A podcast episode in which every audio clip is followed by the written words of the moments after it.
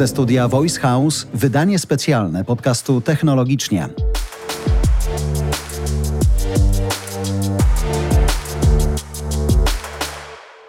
Sam Altman, szef OpenAI i ekspert od sztucznej inteligencji, jest w tournée po świecie.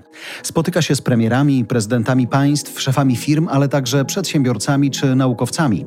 Jedno z takich spotkań odbyło się w Warszawie na uniwersytecie.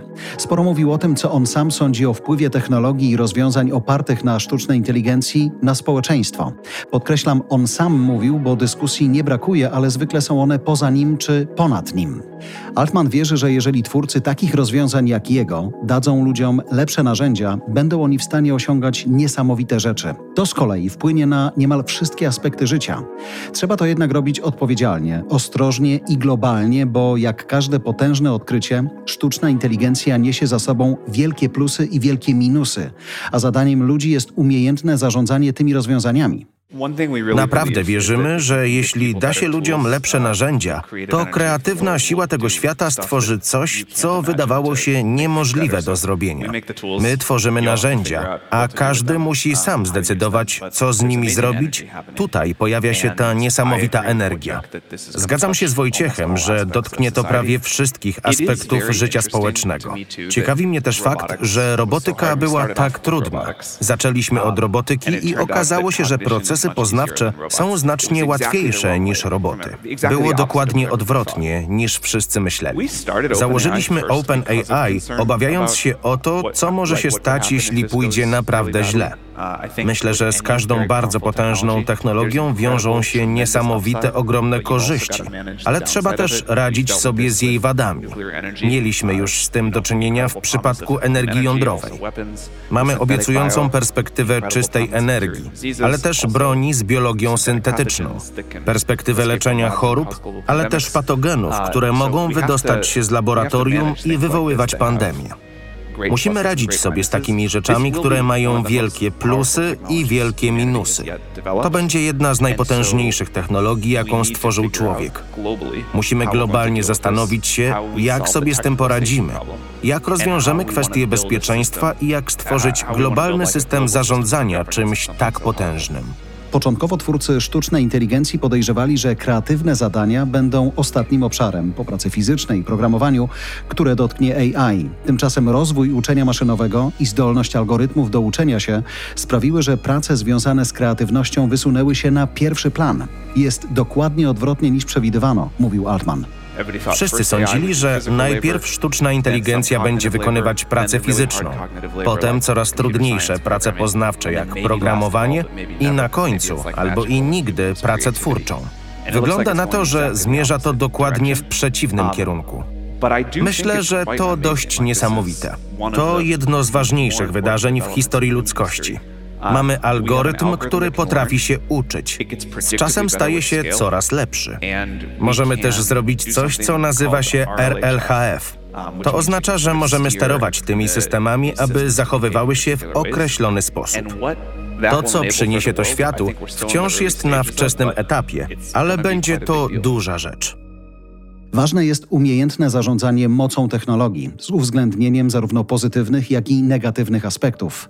Altman zachęca do tworzenia regulacji prawnych, monitorowania działań i sposobów wykorzystania sztucznej inteligencji, co pozwoli na lepszą współpracę i wymianę pomysłów.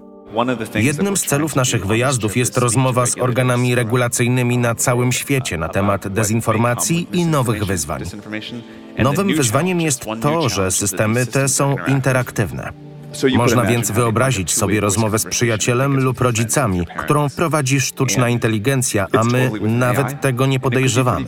Dlatego trzeba uchwalać przepisy dotyczące korzystania z tych systemów, sprawdzać, czy ludzie wiedzą, że rozmawiają z AI, upewnić się, że firmy takie jak nasza mają systemy, które wszystko monitorują i odmawiają generowania niektórych rzeczy. Trzeba też sobie uświadomić, że open source jest nie do powstrzymania, więc jako społeczeństwo musimy musimy się dostosować. Wdrażanie nowych technologii powinno być stopniowe, żeby dać światu czas na przystosowanie się i minimalizowanie ryzyka. Szalenie ważne jest, aby świat miał czas na stopniowe przyzwyczajanie się do nowych systemów. Wprowadzamy je, kiedy nie są jeszcze tak potężne, aby ludzie i organy regulacyjne mogli zapoznać się z ryzykiem i korzyściami. Gdybyśmy nie uruchomili chat GPT we wcześniejszych fazach prac nad unijną ustawą o sztucznej inteligencji, ludzie potrzebowaliby czasu na adaptację. Inna opcja jest taka, że pracujemy nad generatywną sztuczną inteligencją w laboratorium. Nie mówimy o tym nikomu, a za 10 lat wciskamy przycisk i puszczamy to w świat. Jest bardzo potężne, a ludzie nie mają czasu, by wyrazić swoje zdanie i powiedzieć, czego chcą, żebyśmy wspólnie podejmowali decyzje, ustalali zasady, wykorzystywali korzyści i kształtowali tę technologię. Poświęcamy wiele uwagi temu, czego chcą ludzie. Podczas tej podróży spotkamy się z dziesiątkami organów regulacyjnych, ale przede wszystkim z tysiącami ludzi. I aby uzyskać informacje zwrotne od użytkowników, aby ludzie zrozumieli, jak to naprawdę działa i jakie są niebezpieczeństwa, nie możemy tego zrobić w laboratorium. Sztuczna inteligencja wciąż jest obszarem odkrywanym, więc nie znamy wszystkich odpowiedzi, ale to nie oznacza, że nie mamy zadawać pytań.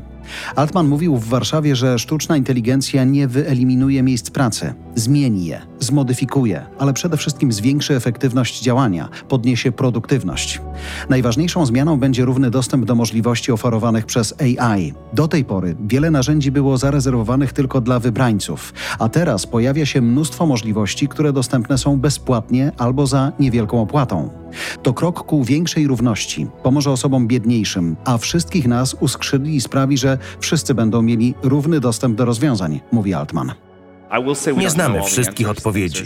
Sprawy wciąż nabierają tempa, ale myślę, że wizja jest znacznie bardziej optymistyczna niż mogłoby się wydawać. Książki science fiction miały rację co do niektórych rzeczy, ale bardzo się myliły w kwestii kształtu tej technologii.